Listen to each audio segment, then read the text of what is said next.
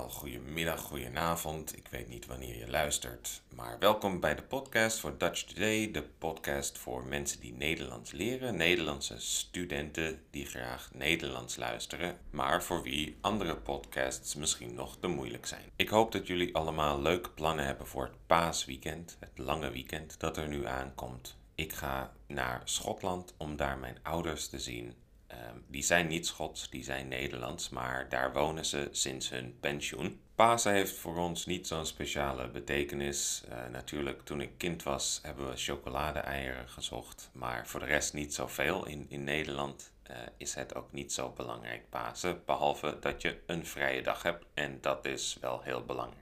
Oké, maar vandaag wil ik het niet hebben over Pasen. Ik wil het over iets anders hebben. Ik wil het over het spreekexamen hebben. Ga je inburgeren of doe je de NT2-examen, eh, dan moet je ook eh, een spreekexamen doen. En ik wil wat tips en wat voorbeelden geven vandaag voor dat spreekexamen. Volgend jaar gaat het examen van niveau omhoog, van niveau, wat is het nu, A2 naar B1. Daar heb ik nog geen examens van gezien. Dus ik weet niet precies wat de vragen daar worden, dus ik doe het nog uh, vandaag over de oude stijl. En eerst wat algemene tips en daarvoor maakt het niet uit welk examen je doet. Probeer altijd te ontspannen voor het examen. Want hoe ontspannener je bent, hoe makkelijker het gaat. Voor iedereen uh, is het anders. Iedereen ontspant op een andere manier. Uh, dus bedenk jezelf, wat kun jij in een moment doen om even te ontspannen voordat je aan je examen begint, als je zit te wachten. Dan kun je natuurlijk nooit helemaal goed ontspannen. Het is altijd uh, spannend, maar dat geeft niet. Probeer iets te vinden waardoor je een beetje ontspant. Er zijn op dit moment drie types vragen. Vragen uh, die, ja, waarop je een kort antwoord moet geven, een middellang antwoord en een lang antwoord. Er zijn acht korte vragen, acht middellange vragen en één lange vraag, of ja, lang antwoord eigenlijk. De acht korte duurt 20 seconden, middellang duurt 30 seconden en lang duurt 2 minuten. Het examen duurt 25 minuten en er is geen pauze.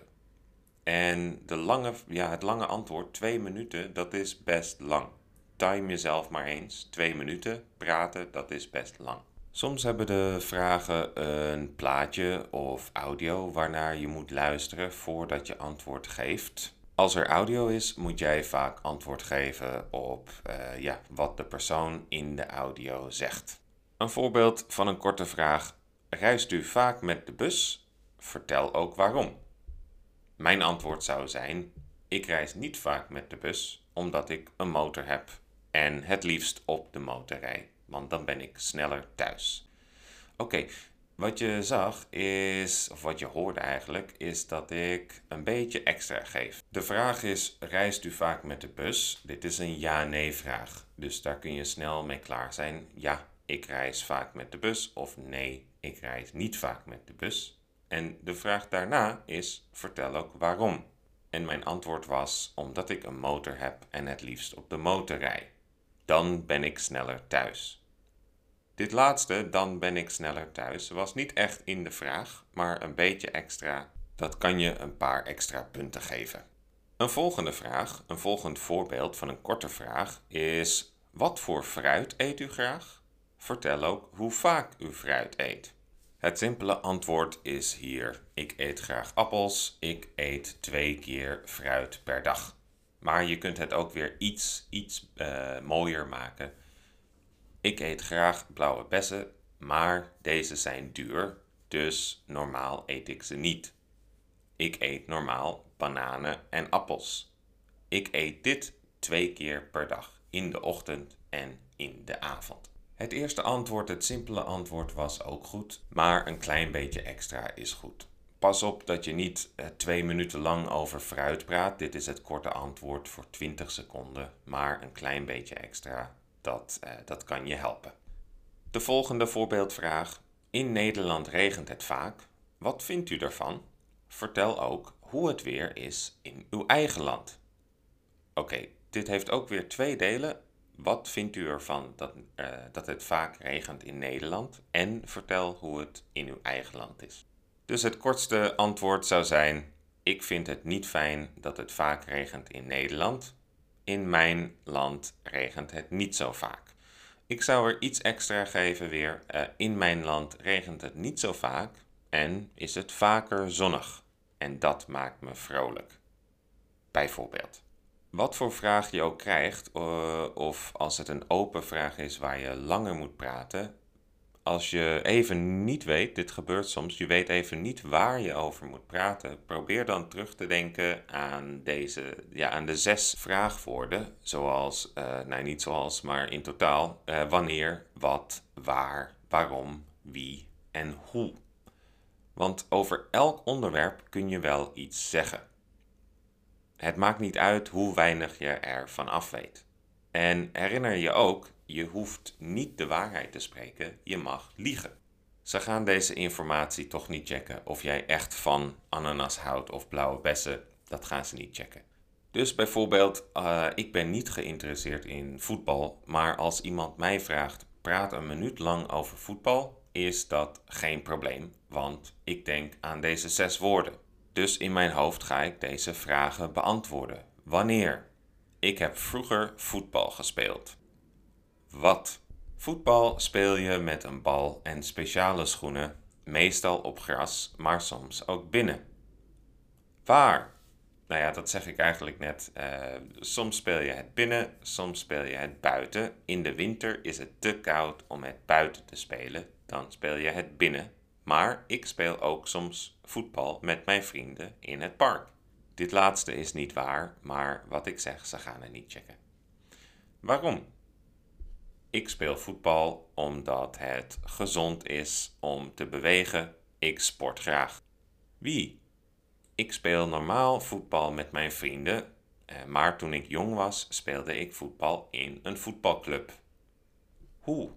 Als ik voetbal speel met mijn vrienden, speel ik in het park. En hoe kom ik daar? Ik neem niet de bus, ik neem liever de motor. Zo, nu zie je, ik heb een tijdje gepraat over voetbal en eigenlijk weet ik niks van voetbal en ik speel ook geen voetbal met mijn vrienden in het park, maar ik kan wel een minuut praten over voetbal door aan deze vragen te denken. Wat, wanneer, hoe, waarom. Oké, even terug naar het examen. Als je plaatjes op het examen ziet, moet je die gebruiken. Bijvoorbeeld voor het middellange antwoord uh, een opgave. Je bent personeelschef bij een warenhuis. Je geeft instructie aan nieuwe kassamedewerkers. Je legt ze uit wat ze niet mogen doen. Oké, er zijn drie plaatjes bij deze opgave. Op de eerste draagt de medewerker een korte broek en door de korte broek staat een groot zwart kruis. Wat zeg je? Ik zou zeggen: je mag geen korte broek dragen in de winkel. Op het volgende plaatje zie je hem eten terwijl hij achter de kassa staat en er staat een uh, groot kruis door het eten. Ik zou zeggen, je mag ook niet eten in de winkel. Op het laatste plaatje zie je hem een klant helpen, maar hij heeft een telefoon in zijn zak met oordopjes in zijn oren. Hij luistert dus muziek. En ik zou zeggen, tenslotte mag je ook geen muziek luisteren terwijl je werkt. Oké, dus dat was een middellang antwoord. En nu het laatste voorbeeld is het voorbeeld voor een lang antwoord. En een lang antwoord is twee minuten, dus dat is best lang. Ik zal eerst even de opgave lezen. U bent directeur van een bedrijf. Veel van uw medewerkers komen met een auto naar het werk. Dit levert verschillende problemen op. In een bijeenkomst met uw personeel vertelt u wat de problemen zijn. Ook beschrijft u enkele voorstellen om de problemen op te lossen. Verder geeft u aan welke oplossing u het beste vindt. U vertelt ook waarom u deze oplossing het beste vindt. Oké, wat moet je dus doen? Nog even in het kort. Vertel wat de problemen zijn, geef oplossingen, zeg welke je de beste vindt en zeg waarom je deze het beste vindt. Dit zijn dus eigenlijk vier vragen en je moet niet vergeten om alles te beantwoorden, anders verlies je punten. En veel van mijn studenten die, uh, ja, die een slecht resultaat halen, is omdat ze niet goed lezen. Lees altijd goed wat zij van je willen horen en neem de tijd om alles te beantwoorden. Nu zie je drie plaatjes in de opgave en in het eerste plaatje zie je een auto waar veel vieze uitlaatgassen uitkomen. Het probleem is dus, doordat iedereen met de auto naar het werk komt, hebben we meer last van vervuiling. Dat is niet goed voor het milieu en ook niet goed voor de gezondheid van de medewerkers. Op het tweede plaatje zie je veel auto's stilstaan op de weg. Het probleem is dus, er ontstaan ook veel files doordat iedereen met de auto gaat. En zo komen veel mensen te laat op hun werk. Dat is niet goed voor de productiviteit en het humeur van de medewerkers. Op het laatste plaatje zie je een vol parkeerterrein en auto's die eromheen rijden op zoek naar een plaats. Wat is het probleem? Wanneer iedereen met de auto naar het werk komt, zijn er niet genoeg parkeerplaatsen beschikbaar. Dan moeten mensen de auto op een andere plek parkeren en komen ze te laat en moeten ze misschien ook geld betalen. Dan de tweede vraag eigenlijk, wat zijn de oplossingen? Of wat zijn oplossingen die jij kunt bedenken? Geef er drie. Oké, nummer 1. De medewerkers zouden met het openbaar vervoer kunnen komen, met de bus of met de trein. Dan is er minder vervuiling en minder verkeer op de weg. Ze kunnen een kortingskaart kopen, dan is het goedkoper en het bedrijf kan een deel van de OV-kosten betalen. Oplossing nummer 2. Meer medewerkers zouden kunnen thuiswerken.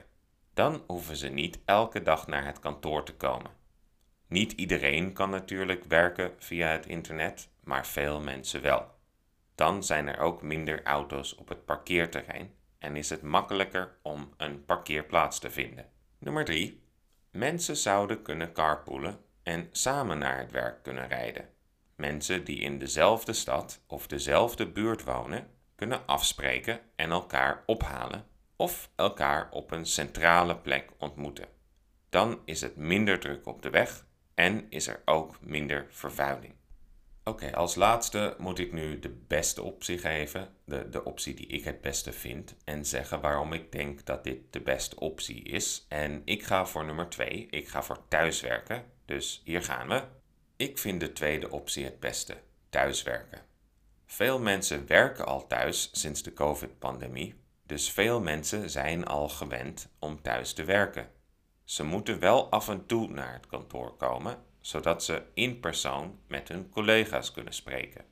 Maar één of twee dagen per week is genoeg. Zo is er minder vervuiling, minder verkeer op de weg en zijn er ook meer parkeerplaatsen. En veel mensen werken liever vanuit huis. Het kost het bedrijf ook minder vergoeding van vervoerskosten, dus zou het bedrijf de mensen die thuiswerken een kleine bonus kunnen geven. Oké, ik heb in totaal meer dan twee minuten gepraat uh, over dit probleem. Ik hoop dat dit helpt als voorbeeld. Heel veel succes met studeren voor het examen. En kom dat ook bij mij doen op YouTube of op Instagram. Op uh, YouTube is dat ook Dutch Today. En op Instagram is dat Benkyo Dutch. Dat is B-E-N-K-Y-O Dutch. En natuurlijk ook weer hier op de podcast. Heel fijn paasweekend en tot de volgende keer. Doei!